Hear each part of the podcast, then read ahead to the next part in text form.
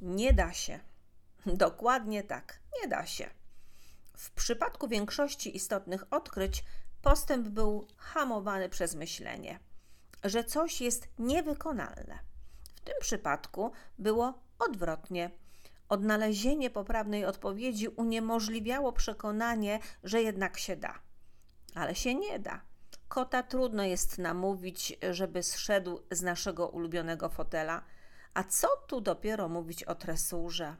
Gdyby rosyjski naukowiec Iwan Pawłow użył w swoim słynnym eksperymencie kotów zamiast psów, to prawdopodobnie odruchem Pawłowa nazywano by dziś mechanizm polegający na nakładaniu jedzenia do misek na dźwięk kociego miałknięcia.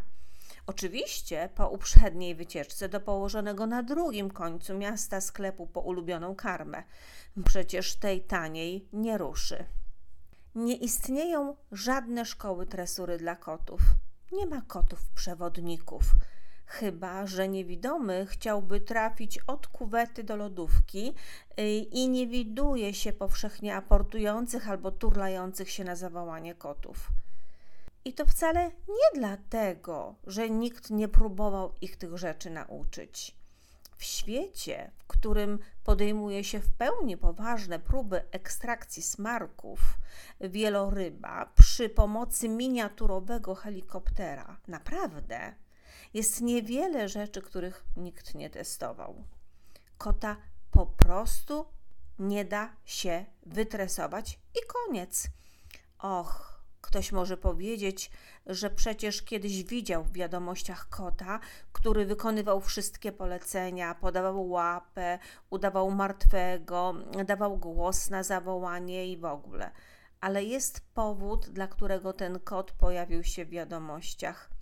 Anomalie się zdarzają, jak wszędzie, a wyjątek potwierdza regułę.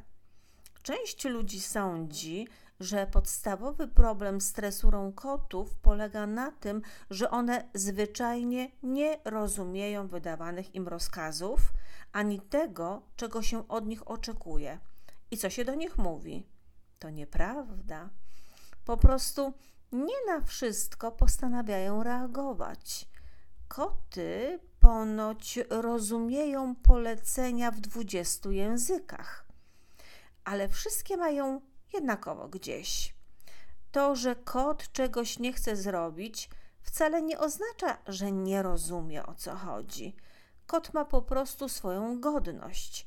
Mm, to trochę tak, jakbyśmy podeszli do jakiegoś znajomego i kazali mu się turlać po ziemi, a gdyby tego nie zrobił, stwierdzilibyśmy, że nie zrozumiał o co nam chodziło i że jest głupi.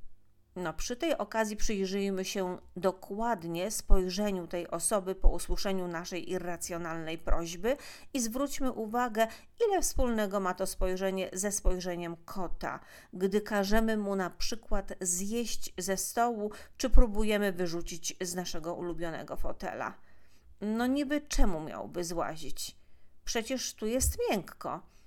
Kota nie można wytresować, ale można się nauczyć żyć z nim względnie w zgodzie. I właśnie tym zajmiemy się w dalszej części.